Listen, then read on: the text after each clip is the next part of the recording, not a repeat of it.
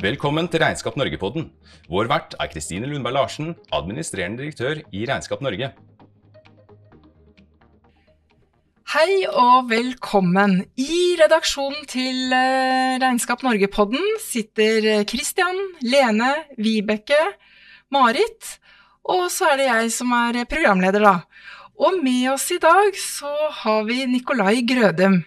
Han er teknisk direktør og leder av Red Team i PwC Norge. Og Nikolai er det jeg vil kalle en eh, vassekte datanerd som spenner sin virksomhet fra hardcore hacking i hettegenser til blådress, sånn som det er i dag og har vært på kundemøte. Og det er vel litt sånn deg, at du er, på en, omfavner en stor uh, flate, men hele, hele, tiden er uh, all in i det du gjør. Jeg liker å gå godt uh, all in. Uh, ser kanskje ikke akkurat ut som en hacker nå, det skal jeg medgi. Men jeg liker meg like godt i, i, hettegenser og, og, og, skikkelig ned, på, ned i det tekniske og bare fordype meg i det. Jeg gått, går høyt og lavt i alt jeg, alt jeg jobber med. Bedrifter og og i, i teknologi. Eh, og ja, gjennom mange dypdykk i teknologi så kan man si at jeg kanskje har eh, skaffet, eh, skaffet grobunn for et sammen, et fundament for, for, for, å jobbe veldig mye med den jobben jeg gjør med. Da. da må man på en måte gå dypt ned i mange forskjellige områder. Ja, og det syns jeg er utrolig spennende, for eh, jeg må innrømme at eh, jeg er jo veldig interessert i ny teknologi og syns det er spennende, men akkurat det rommet der hvor du opererer, det er litt sånn uh, tåke for meg. Sånn Skjønner ikke helt hva som skjer på baksiden, men du, du kan faktisk det som skjer helt dypt inni maskinrommet der. Ja, det kan jo være at jeg kan tenke at det er noe av det som har fascinert meg også. Men at jeg har aldri gitt meg med å bare grave meg dypere ned i det som før var magi for meg. Mm. Hvordan virker det egentlig? Gå og finne ut av det. Eh, det er sånn jeg kanskje startet som, eh, som eh, med, i det spede med litt sånn programmering og lage noe, noe software på Commodore 64 for eh, veldig mange år siden. ja, Hvor gammel var du da? Eh, det var vel eh, på barneskolen en gang. Jeg begynte å skrive min første Eh, mitt første program. Eh, så, så det har vært, eh, vært, mye opp og ned i forskjellig teknologi siden. Så har jeg, jeg har jobbet i Telenor og i Tandberg og Cisco med veldig mye softwareutvikling. Jobbet veldig mye med integrasjoner. Og har, har fått hoppet veldig mye mellom forskjellig teknologi hele tiden. Og har de siste årene fokusert meg mer og mer mot sikkerhet eh, innenfor utvikling. Samtidig som jeg alltid har likt å se etter sikkerhetshull i ting så lenge jeg kan huske, egentlig. Eh, så jeg har hatt, jeg har hatt et sånt eh, en sånn dragning mot, mot, det å finne, finne sikkerhetshull i ting. Eh, det har eh, det er det, den, den motivasjonen som har gjort at jeg har fått lagt inn eh, veldig mange timer i, i det, og, og gjør at jeg er der jeg er i dag. Eh, så, og motivasjonen er like stor ennå. Det er veldig, veldig spennende, syns jeg, alt jeg gjør. Og, og, jeg jobber jo nå bruker dette for, for kunder som eh, leier inn meg og mitt team, for at vi skal forsøke å finne sikkerhetshull mm. i deres selskaper eller systemer eller eh, eller prosesser. Det er, det er forskjellig hva vi, hva vi, brukes til. Mm. Ja, og sånn som jeg forstår deg, så er det jo jo tidligere man kommer på banen og tenker sikkerhet når man utvikler løsninger, jo bedre er det. Det er helt klart. Mm. Eh, det er veldig vanskelig man, hvis man jobber med løsninger. Man skal, de tilfellene vi hjelper noen som lager software og lignende, eller lager løsninger, så er det de som lykkes, er de som begynner helt fra starten av å, å tenke på, på, på sikring av systemene helt fra starten det blir vanskeligere og vanskeligere eh, når man får en teknisk gjeld eh, å løse inn den eh, på slutten. Det er ofte veldig mye dyrere. Ja. Og Red Team, det høres så innmari kult ut, da. kan du si litt mer? Hvem er dere, og hvordan jobber dere? Mm. Vi, eh, ja, vi er et red team. Det er et slags er et uttrykk fra, fra militært. Men, men mye, av, mye, av, det som ligger i uttrykket red team, det, eller det det betyr, er jo at man, man tar for seg Altså man endrer, prøver å endre litt måten å tenke på når man, man, man ser på Når man skal uh, gjøre, gå et angripe noen. Og man, forsøker å sette seg mer inn i sko, skoene eller hjernen til, til de som uh, eventuelle trusselaktører. da, Og prøve å se hvem som kan være aktuelle for å gjøre et angrep, og så gjøre det de gjør. Og se, prøve å omtrent være the bad guys, og virkelig eh, Istedenfor å gå og teste en spesifikk ting, f.eks. Eh, sjekk den brannmuren, så er det mer sånn at vi prøver å finne ut hva er det som er viktig å beskytte for et selskap. Og så prøver vi på alle mulige måter å se for oss er, hvordan kan vi komme oss dit. Uten å nødvendigvis at det skal bety at vi må gå gjennom på en måte en brannmur, men at vi, vi, ser på sideveier eller prøver Så det går veldig mye ut på det å være kreativ. Og, og baser, bruke erfaring på, på å finne ut hvor, eller tenke seg til hvor er det lettest å gjøre angrep. Eh, og det er ikke nødvendigvis alltid liksom, midt på i hoveddøren. Nei. Så det å finne alle, alle andre måter å, å å lure noen, eller å lure systemer, eller finne feil i systemer, er det man eh, gjør da. Og jeg har eh, et eh, fantastisk bra team som vi, vi, har litt forskjellige roller og kan litt forskjellige ting i teamet. Jobber stort sett sammen. Ved, stort sett så er jo, er jo oppdragene våre av cyber security uh, art. Mm. Uh, så det er, det er, det blir jo som regel uh, type pentest-oppdrag eller eller eh, lignende, eller forskjellige typer eh, oppdrag innen sånn som phishing eller eh, OSINT, hvor vi bare går fra internett og prøver å finne ut mest mulig av om et selskap, eh, basert på uten, å, uten, at det selskapet omtrent skal finne ut at det er noen som har dem i, i, i kikkerten, eh, til at vi gjør eh, liksom, større angrep hvor vi sjekker om klarer, de å detektere oss, f.eks. Så at dere tar posisjon som om dere var hackere, da. Og så ja. ja. Så samarbeider vi med noen som kan forklare også, eller fortelle hvilke, hvilke type angrep de gjør, hvilket utstyr eller programmer de bruker. Og istedenfor at vi da bruker bare vårt egen, egne verktøy, så bruker vi det som de aktørene bruker i akkurat nå. Mm. Ja, spennende. Og hva hva er det dere finner når dere Er det noe som går igjen når dere gjør disse angrepene og analysene? Som går igjen? Ja, det er Jeg vil si at det er liksom alltid noe nytt. Det er det. Men, men det, er, det, er, jo veldig ofte at vi ser at noen har at Hvis man har svake passord, så går det veldig, veldig fort å avdekke, som regel. Og det er for de som ikke har god passordhygiene og beskytter passordene sine, så er det, er det veldig Ja, det er et veldig lavt steg. Et, ja. Eh, ellers så er det jo stort sett at man har eh, glemt noen servere eller glemt noen systemer som står og surrer og går og ikke er oppdatert. Det er også veldig typisk. Og så finner man det. Og, eller det kan være at man har satt opp noen systemer som på en måte er tilgjengelige på internett. Og så står det klart med standardpassord, eller man har bare installert det, og så har man ikke byttet noe standardpassord. Det er jo også en sånn ja, det er interessant. Fordi vi fornyer oss jo stadig, og den teknologiske utviklingen går jo raskere og raskere. Så det, da blir vi jo veldig fokusert på det nye vi skal uh, implementere. Men det du sier da, det å passe på det gamle man har, og ikke bare la det stå og surre og gå, men virkelig ta det helt bort.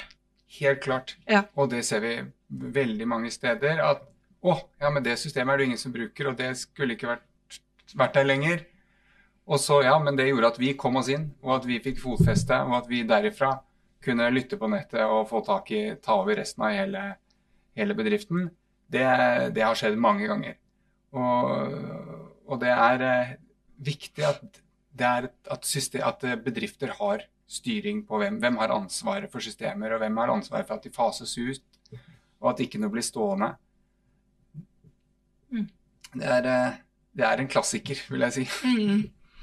Ja, den tror jeg flere av oss kan kjenne litt på. At uh, der må vi passe på at vi rydder opp etter oss, rett og slett, på nettet.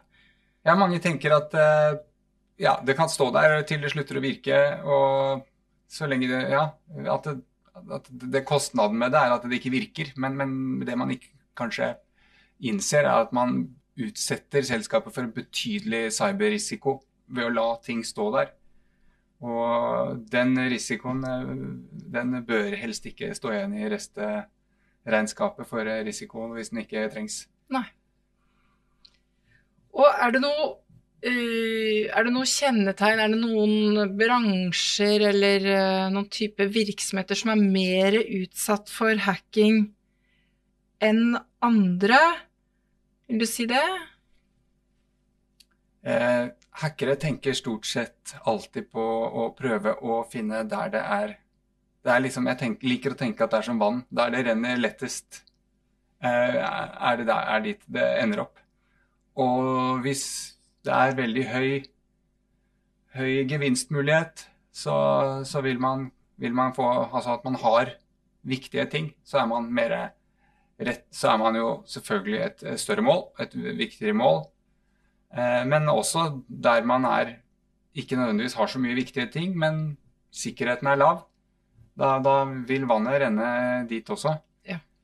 Og, og, det er litt tilfeldig eh, Kan virke litt tilfeldig, da. At man tenker at man ikke er noe mål, eh, at man ikke har noe spesielt, og at man ikke, ikke har en nettside engang og tenker at man ikke er eksponert for cyberrisiko. Men, eh, men, det kan snike seg mye rart gjennom en mail eller en eh, link på Facebook Messenger eller, eller SMS som kan gå inn til, gjennom derfra til en PC. Det var et veldig fint bilde på det. Det er veldig forståelig å tenke at vannet finner jo alltid gjennom vei, og går jo minste motstands vei. Ja, ja. Mm -hmm.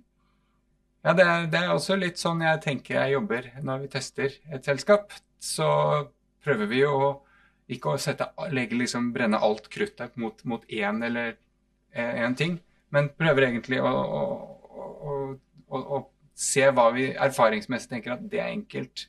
Vi tester litt der.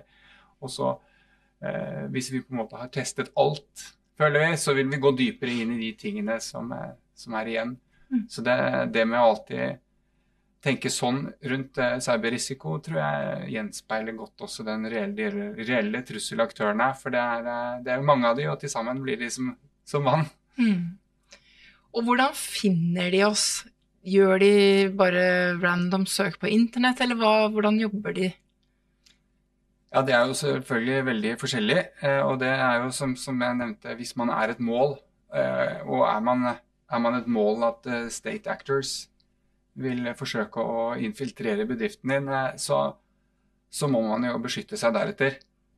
Eh, men eh, hvis man ser på mer ja, enklere cyberkriminalitet eller tilfeldig cyberkriminalitet, at man mer eller mindre er et tilfeldig offer, så, så, så, er det jo en helt annen måte man må, må tenke når man beskytter seg. Men, men alle er alle med en mailkonto eller med en PC eller noe, er, er i og for seg et slags mål.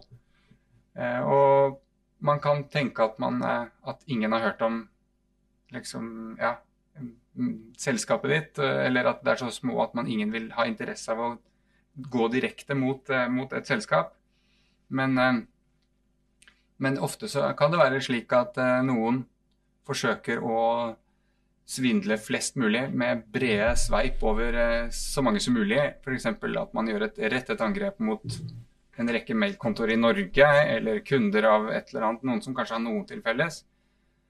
Og hvis, man, og hvis noen av de angrepene Det kan være mailer eller linker, eller det kan være f.eks. at du har en det kan være ting du har stående hjemme i huset ditt, som et kjøleskap på nett eller en, noe som plutselig blir blir eh, tilfeldig tatt, eller om du har et IP-kamera som ikke har vært oppdatert, eller eh, litt sånn hjemme, så vokser jo det enormt eh, med alt man har hjemme som er på nett.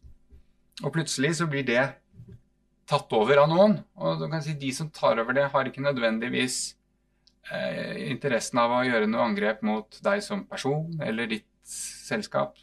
Men det er steder på under i det dype nett hvor de selger den informasjonen eller det, det, det fotfester videre til noen som eventuelt eh, velger å, å, gå videre og utnytte den posisjonen. Eh, så det kan man jo da eh, se for seg at man er offer for et tilfeldig hack, men blir, men blir ut, feilen blir utnyttet av noen helt andre. Noe som gjør det veldig vanskelig å finne ut hvem det er som står bak angrepet, når det ikke kan kobles til f.eks. mailen som startet det hele. Mm. Ja, så Det er ikke sikkert at de bruker den informasjonen til å ødelegge kjøleskapet mitt, men de kan eh, spare på den informasjonen og så bruke det, eller den tilgangen, til noe digitalt hos meg senere.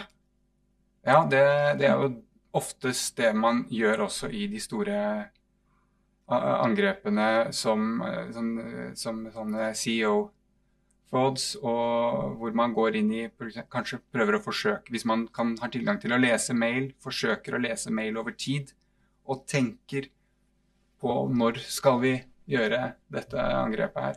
Så kan man være inne veldig lenge i systemet, skjult. Og øh, de gode angreperne vil jo ikke merke at det er inne. Øh.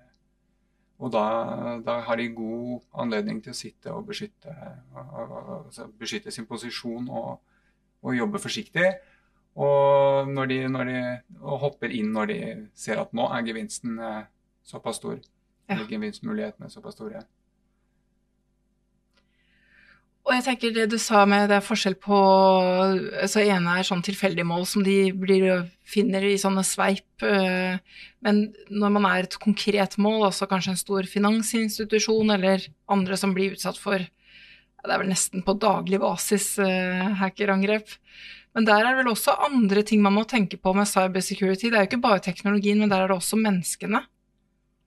Ja, det stemmer jo. Det er, menneskene er jo, er jo, alltid en veldig viktig del. Det er jo stort sett de man som ender opp med å bli lurt til slutt på et eller annet vis. Eh, eh, veldig ofte.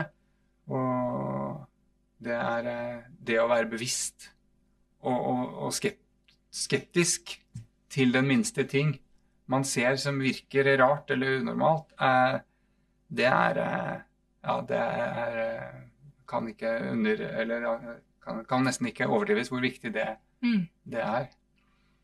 Mm. Når det gjelder ressursbruk, hva, er det noen sånn typiske gjengangere på ting som blir nedprioritert, hvor man kunne hatt en ganske stor gevinst av å prioritere det opp, da? Ja, det er, jo, det er jo, noe med å, at, den, at uh, man kan ofte si at ledelsen ikke nødvendigvis gir ressurser til, til, uh, til IT som ønsker å beskytte eller ønsker å, å, å ta, ta ja, få, få øket IT-sikkerheten nok. Og at ikke ressursfordelingen er helt der den burde være i forhold til en risikovurdering. Eh, og i forhold til trusselbildet. Så det er jo det er en sånn En skjevhet der kan jo eh, kan jo fort eh, ja, ha store konsekvenser. Mm. Hvis du tenker på regnskapsbransjen, da vi betjener jo til sammen 70% av norsk næringsliv bruker jo en regnskapsfører, så regnskapsbransjen er jo inne i veldig mange Altså nesten 430 000 virksomheter eh, per nå har en avtale med en eh, regnskapsfører. Og så har jo ofte regnskapsføreren noen sånn prioriterte ERP-systemløsninger og osv. som man bruker, men man er jo ganske fleksibel i forhold til kundens behov, så man har i hvert fall flere systemer, ikke bare, e, bare ett system. Hva tenker du er, er risikoområdene viktig å være oppmerksom på? Ja, da, Det første jeg tenker på, er jo at man må jo være klar over hvilken, hvilke verdier man har altså i, i, regnskapene. Jeg regner med at det kan være nok til å gjøre en til eh, Avhengig av hvilke kunder man har, så vil man kunne bli et mål. Mm. Fordi man sitter på så viktig informasjon som noen kan utnytte seg av. Eh, det kan jo være direkte, eller det kan være utpressing eller lignende. Men eh, man kan også i og med at man sitter såpass nært på det økonomiske, se for seg at man kan være et viktig, må, viktig brikke i en sånn CEO-fraud, eh, vil jeg nok kunne tenke meg. Og, og, det du sier at man har flere forskjellige systemer, det, for hvert av de så øker det jo risikoen betraktelig. Eh, for at det skal være svakhet i det ene systemet som gjør at noen kan utnytte det. Eh, la meg si du har et regnskapssystem, og jeg finner ut at du har et type regnskapssystem, og så vet jeg at ja, det regnskapssystemet har en eh, svakhet som gjør at jeg kan sende deg et vanlig Word eller PDF-dokument f.eks. Og hvis du legger det inn i regnskapssystemet eller åpner det i det regnskapssystemet, så får jeg kontroll over hele maskinen din. Er det så enkelt? Det kan være det. Ja. Jeg har vært borti, borti det. At uh, man har kunnet tatt kontroll over uh, større, store systemer ved å bare få lagt inn, lagt inn filer pga. svakheter i, i, i, systemer. Og, og da det, det, Men det kan også være at man, hvis man, har, hvis man ikke er så veldig Hvis man er liten aktør og, og har flere forskjellige regnskapssystemer, og så kanskje man også har Eh, tilgang til disse her gjennom en iPad eller en laptop som kanskje barna også bruker til å spille på. Da, da, det burde man ikke, for å si det sånn. Det bør man ikke, det er klart råd, da. Ja, det er ville tydelig skilt uh, hva en sånn maskin uh, skal brukes til, og, mm. og, si nei. Hvis barna spør om de kan spille på den eller bruke den. Uh, typisk. men da, da, er vi ned på det enkleste, vil jeg si, av råd. Ja. det er, eh, ja. Men det er jo stadig det at eh, Kan jeg låne iPaden din? Ikke sant? Ja. ja, mm, ja. ja. Nei, det, det ville jeg vært eh, veldig forsiktig med. Mm. Det er sikkert veldig lite populær blant barn. Ja, nei, jeg har nekta alle sånne spilleinnstillinger. Det, men nå har jeg et enda bedre argument. Jeg bare hadde en dårlig følelse på det, men nå skal jeg ja, Bedre argument for han fjortisen hjemme. ja. ja. nei, det er en viktig, en viktig del av å beskytte alle, alt er jo å tenke om man må beskytte enhetene sine også. Og, og, da må man tenke på hva man har eh, installert på de. Ja, og det er vel også noe med hvilke nettsider barna går inn på når de bruker enten telefonen eller iPaden din, f.eks. Helt klart. Det kan være ting som lastes ned fra en side, eller forskjellige svakheter i nettlesere. Nå er det, nå er det litt bedre enn det var for noen år siden, heldigvis. Men, men det, er, det er en risiko for det. Og det du sier med den der at de går inn og når de først kommer inn, kan sitte og følge med over lengre tid, følge med på mailkorrespondansen, og det er jo det som eh, flere har gått på med en sånn CEO-svindel, ikke sant, hvor de følger med på hvordan er det daglig leder ordlegger seg, og hva er typiske sånn, transaksjoner og ting som skjer mellom økonomiavdelingen og daglig leder. Og det samme vil vi jo kunne ha da mellom kunden og regnskapsføreren. At de sitter der egentlig da bare følge med på de mailene som går, kommunikasjonen mm. dem imellom, da, uten at noen av de merker det. Ja, nei, de, de er jo såpass gode at det, ingen av de merker det. Hvis de, hvis de holder på. Og, og, det er jo bare å se på ja, Norfund ja. som et godt eksempel eh, på hvor dyrt det, det kan bli. Var det 100 millioner, var det det? Ja, det var vel mer enn det, ja. Det mer enn det, ja. Så ja. to ganger Nokas. Ja. Så man er eh, Det er ikke så veldig lett å beskytte seg mot de, men man må være veldig, veldig oppmerksom, og man, man har god kontroll over systemene sine og mail. Ja, for der var det sånn som jeg forsto det, at hele tiden så gikk korrespondansen gjennom en som satt i midten der, som de ikke var klar over. Norfund og den, eh, det landet som fikk eh, bistand. Og så satt de bare og plukka pengene ja, de fikk jo, fikk jo sendt Gjort det på en slik måte at det ble overført penger til feil, til feil konto, da. Ja, ja. Så for å si det kort. Ja. Og, og da sitter, man jo, sitter de jo i, imellom der hele tiden og følger med, og, og plutselig hugges det til med en, med en eller annen liten endring, eller kanskje at det spør om at ja, nei, nå har vi sørge for at det, at det, gjøres noe galt i et forsøk, og så kommer det ja, nei, det var feil i det kontonummeret, eller her er det det riktige kontonummeret, eller det, det er Sånn, ja. Det kan være slike ting som gjør, eller at, det, eller at du sender en mail, og, og, så ringer du og sier at 'nå har jeg sendt mailen med kontonummeret', og så har han eh, som da sitter imellom, hindrer den mailen og sender ut sin egen mail. Ja. Så man burde da også på telefonen si Si kontonummeret. Ja, Ja, ikke sant. Ja. Man kan aldri bli trygg nok. Det syns jeg var et godt tips hvis man må gjøre en sånn transaksjon, eller via mail. Men det anbefaler vi jo ikke. Men eh, så i hvert fall følge opp med en telefon og si kontonummeret på telefonen. Ja, det tror jeg kan eh, Mm. hjelpe. Jeg vet også noen som har eh, etablert noen sånne hemmelige kodeord og sånn som de Ja. ja, bruker for å Ja, det er sikkert lurt. Ja. Mm. Det er noen sånne begreper du sa innledningsvis, eh, phishing og noen andre begreper. Kan ikke du fortelle, forklare litt hva det, hva det som ligger i det begrepet, og, og hva som skjer? Ja, phishing, da går man jo bredere ut. Og kan du si at man sender ut mail til veldig, veldig mange, stort sett, om et eller annet som man tenker at ja, dette så spennende ut, denne linken har jeg lyst til å trykke på, eller dette her eh, Å, har dette virkelig skjedd med meg? Er det, er det en video av meg ute på nettet? Dette må jeg finne ut av. Eller se denne videoen av deg, og så du må spille av Du må trykke på denne filen her for å åpne den, eller Eller, eller det, det er jo ikke grenser for kreativiteten, egentlig, på hva, hva man kan eh, Hvordan man kan bli forsøkt lurt. Der, men der igjen er det Jeg tenker også det er litt sånn som rennende vann. Eh, litt som kanskje vann som stiger og stiger etter hvert som det blir vanskeligere, etter hvert som folk blir flinkere. Eh, før så var jo alle de phishing-mailene så banale. Da du fikk en mail og så sto det bare 'trykk på meg', så går det dårlig med deg. Og så fikk du mail, så ble det liksom litt bedre. Trykk på meg, så vinner du en million, liksom. Og så har de blitt litt mer sofistikerte hele tiden.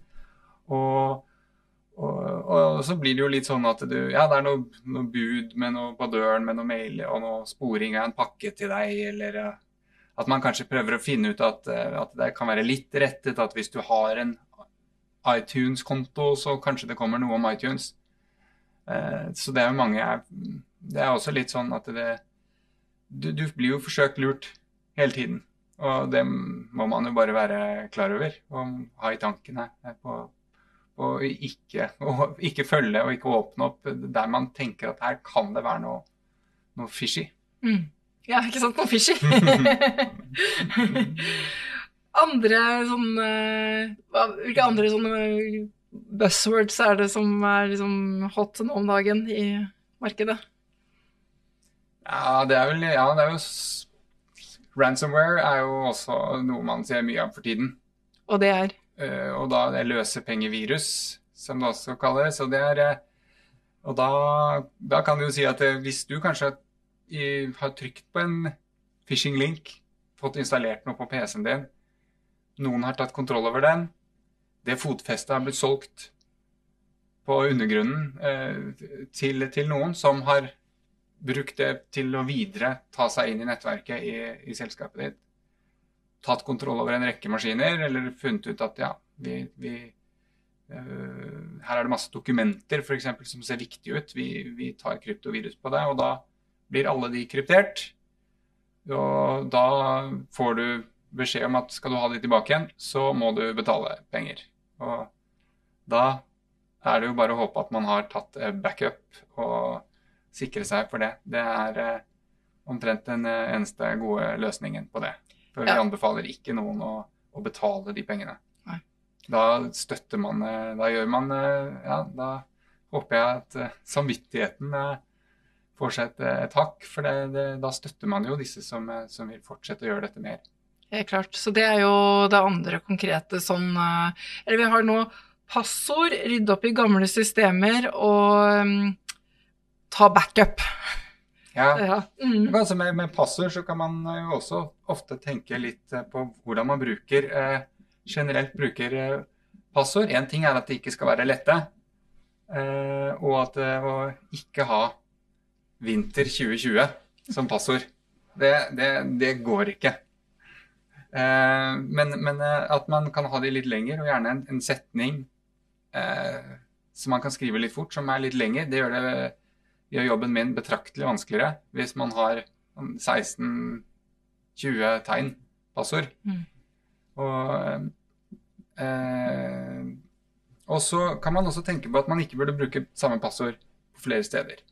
Det, det sier man jo bare igjen og igjen, men det, det kan ikke sies nok. Og folk ser jo ikke ut til alltid å høre på det heller. Eh, det finnes lister på nettet på, hvor man kan søke opp sin egen mailadresse, f.eks. 'Have I been pwned?' Eh, og der eh, kan man søke på mailadressen sin og se om passordet Hvis du har laget en konto på en eller annen nettside, så vil, vil man kunne se om den eh, har vært Om noen av de nettstedene har blitt kompromittert. Og i enkelte tilfeller av de, så har man da fått ut passord i klartekst eller i passord eh, hash, som er en sånn slags kryptert variant av passordet. Men ofte så klarer man allikevel å få passordet ut i klartekst av de også. Eh, og det betyr jo at hvis man da har brukt det samme passordet ett sted, så vil det være naturlig for eh, noen Da er det noen som forsøker seg rundt omkring med det samme passordet. Og siden de har en mailadresse og et passord, eh, så vil de prøve seg på en rekke forskjellige steder. Og hvis du f.eks. er eh, Du skal registrere deg for du har en sønn som spiller i en håndballklubb eller noe sånt, og du må lage en sånn profil på den håndballklubben Puttefart sin nettside. Så lager du et brukernavn og passord, og så skriver du bare tenker, ja, hvis jeg har det samme passordet som på Facebook, så husker jeg det. Eh, da må man jo tenke, Det er to viktige ting å tenke på. Det er at A, nå gir du jo fra deg passordet ditt, og sammen med mailadressen din, til dette håndballaget. Så de har jo det nå. Hvis de har lyst til å prøve å logge seg på andre steder med det. Det er mange som ikke tenker, tenker, tenker den måten da, når de skriver inn passordet, at de faktisk gir det fra seg. Eh, I tillegg så betyr det at kanskje ikke de har samme sikkerhetsregime i den håndballklubben som du gjerne skulle ønske at, eh, at, du, at du ble beskyttet med. da. Så hvis det blir hacket og blir lagt ut på lister på nettet, så, så er det jo plutselig en rekke folk som får tak i disse. Eh, da kombinasjonen av mailadressen din og passordet ditt, og vil eventuelt finne på å bruke det. Og kanskje de derifra klarer å legge s- Kommer de inn på iClouden din, f.eks., på iPhonen, får lagt inn noen filer der som kjøres Som de klarer å få lurt deg til å kjøre fra iClouden på maskinen din hjemme, hvor du har regnskapsapplikasjonene kjørende. Og da har man det gående. Så det, den, det å hele tiden tenke sånn sikkerhet rundt at passordet, det gir du ikke fra deg til hvem som helst. Du bør heller aldri prøve, f.eks. Og kanskje det var mailpassordet mitt, brukte jeg det på den eh, nettsiden der? Ja, jeg prøver mailpassordet mitt for min vanlige mail også her. Ikke, ikke prøv ditt, ditt ekte passord noen andre steder enn der du bruker det. For det kan være at stedet er kompromittert, og noen sitter og, og, og, og logger alle passordforsøk og, og, og tar det ut. Så Oi, den der var litt kilende, kjente jeg. For det er jo ikke Ja. alltid man husker eh, Nei. Også, ja. Så rådet blir jo ha forskjellige sterke passord alle steder. Eller man trenger ikke ha sterke passord alle steder som det ikke er så viktig, men ha forskjellige passord alle steder. Men hvordan skal man klare å huske på alle disse passordene? Det er jo det som blir et mareritt, da. Ja, enten så kan du bare lagre de dårlige i nettleseren og, ikke tenke, og satse på at du aldri trenger å skrive de igjen. Og hvis du må ha det på nytt, så, så, kan, du, så kan du jo eh, bare risette det. Eh, det er den enkleste måten for de dårligste stedene man ikke, som ikke er så viktige.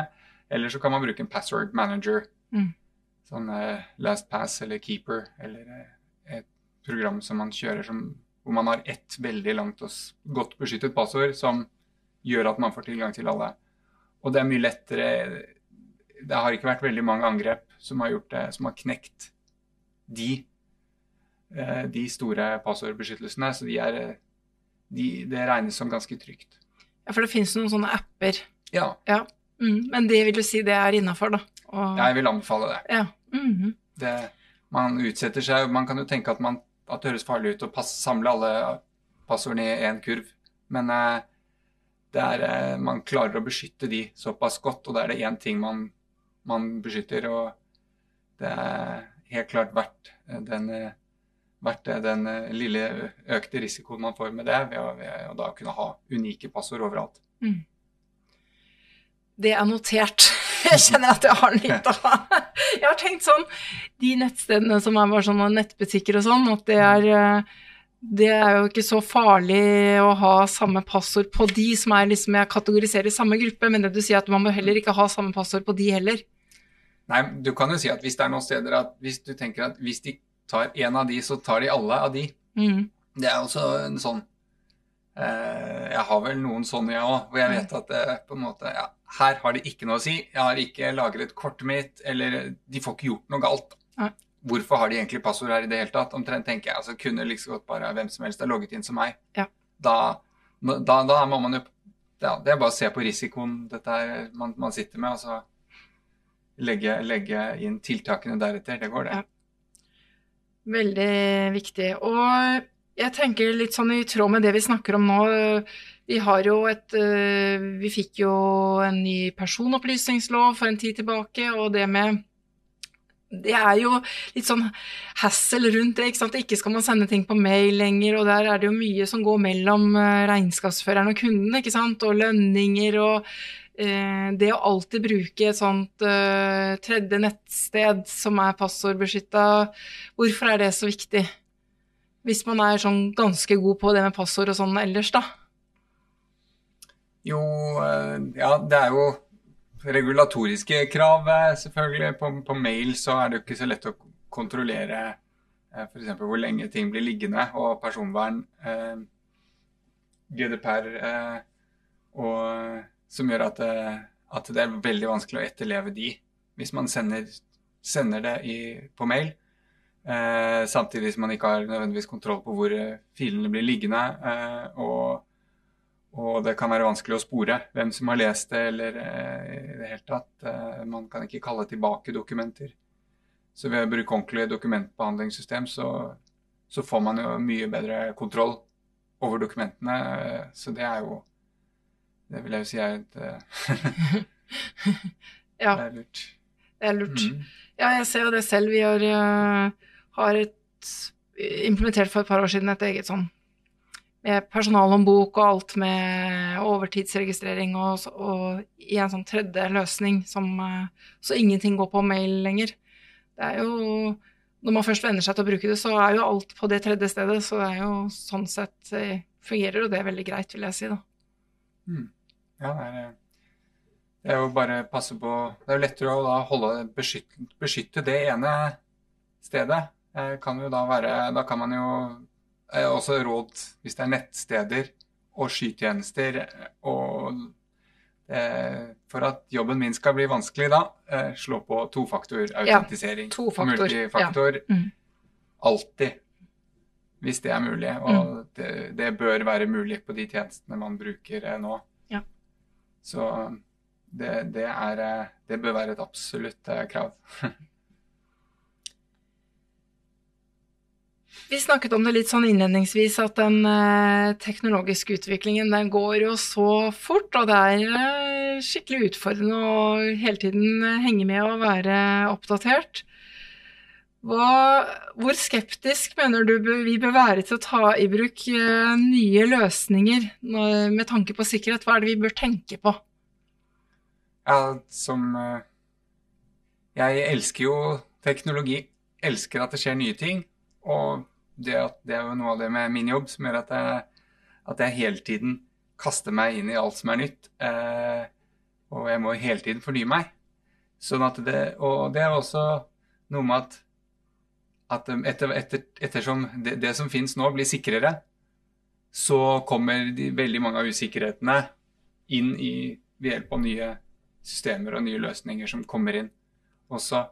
Og det jeg ofte kan se, er jo at hvis det er ting som, har, som implementeres for fort, som må konkurrere inn på markedet Og, og det, det, det, det, at det nå er mulighet for, start, for en liten startup å nå så utrolig mange veldig fort, eh, det gjør at det er veldig lett å komme på markedet uten å ha gjort ordentlig eh, sikring, og uten å ha bygd sikkerhet inn fra bunn som man da ofte kanskje ikke har, føler man har tid til når man starter opp. Eh, og det ser jeg jo gang på gang i, i forskjellige selskaper og forskjellige løsninger jeg tester, eller, eller forskjellige løsninger jeg, jeg, bare tar en kikk på. Eh, og, og det, det er eh, Det er helt klart en, eh, en, en effekt av, av, av, hvordan, av, hvor fort verden går nå. At, at det, man bør være skeptisk til en del av de løsningene hvis man tenker at hm, disse kan ha på en måte brutt fartsgrensen for å komme på markedet. Eh, da bør man være skeptisk. Og, og gjennom nå som f.eks. også med korona har det jo kommet eh, veldig mye nye løsninger av alle mulige slag. Og flere av de også eh, Det er jo lett å tenke seg til at, at her er det lurt å være først på markedet så mange forskjellige løsninger i, i forskjellige bransjer som, som, har, eh, som, har, konkurrert mye. Og da, da, er, eh, da går det for fort ofte. Og, og det, er, det, gjør dessverre at man, man, får en risiko som man ikke vet. Altså Det er så mye usikkerhet i risikoen fordi man har ikke fått testet eller man har ikke fått uh, bygd inn uh, sikkerhet fra bunn. Og, og sånn sett så er det Eh, noe vi eh, jobber med å, å, å, sjekke og teste nye løsninger før, før de tas i bruk. Mm. Så vi jobber jo ofte for selskaper som, som eh, enten har nå blir møtt av krav fra kunder som kommer med, med, krav om at de ønsker at det skal være gjort en ordentlig tredjeparts pentest av løsningen. Og da, det, da, gjør vi det for å, for å få ned den for, ja, for å få det ned på jorda. Så mm. det ikke, den usikkerheten ikke skal være så, så, så stor og fremtredende. Så det med sånne kjappe, litt billige løsninger Da bør det vel ringe noen varselklokker? Ja, det, det burde fort det. Mm. Da burde man eh, ikke Ja, da burde man eh, være forsiktig med hvor man bruker de løsningene. I så fall, hvis man må bruke de.